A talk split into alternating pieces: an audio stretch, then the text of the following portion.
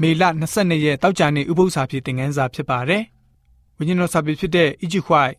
Testimony for the Church အတွဲရှိစာမျက်နှာ158မှာဆိုလို့ရှိရင်ဘယ်လိုမျိုးဖော်ပြထားလဲဆိုတော့အခြေအနေအရရက်ကို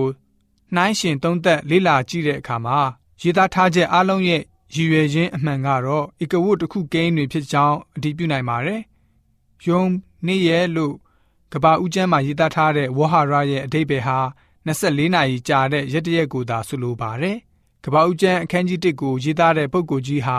နေ့ရက်တရက်ကိုအတွေးခေါ်အကိုအကားနှိုင်းရှင်ရေးသားခြင်းမျိုးမရှိပါဘူး။ Garhard F. Husserl ပညာရှိကြီးတွေဖြစ်ပါစေနှုတ်ကပတ်တော်ရဲ့လမ်းပြမှုကိုမခံယူဘဲဖော်ပြသမျှသောအကြောင်းတွေကိုသိပ္ပံပညာနဲ့ချိန်ထိုးဖို့ကြိုးစားမယ်ဆိုရင်စိတ်ရှုပ်ထွေးစရာလူကြောင်ကြီးတွေသာဖြစ်သွားပါလိမ့်မယ်။ဖျားရှင်နဲ့ဖန်ဆင်းခြင်းအမှုဟာ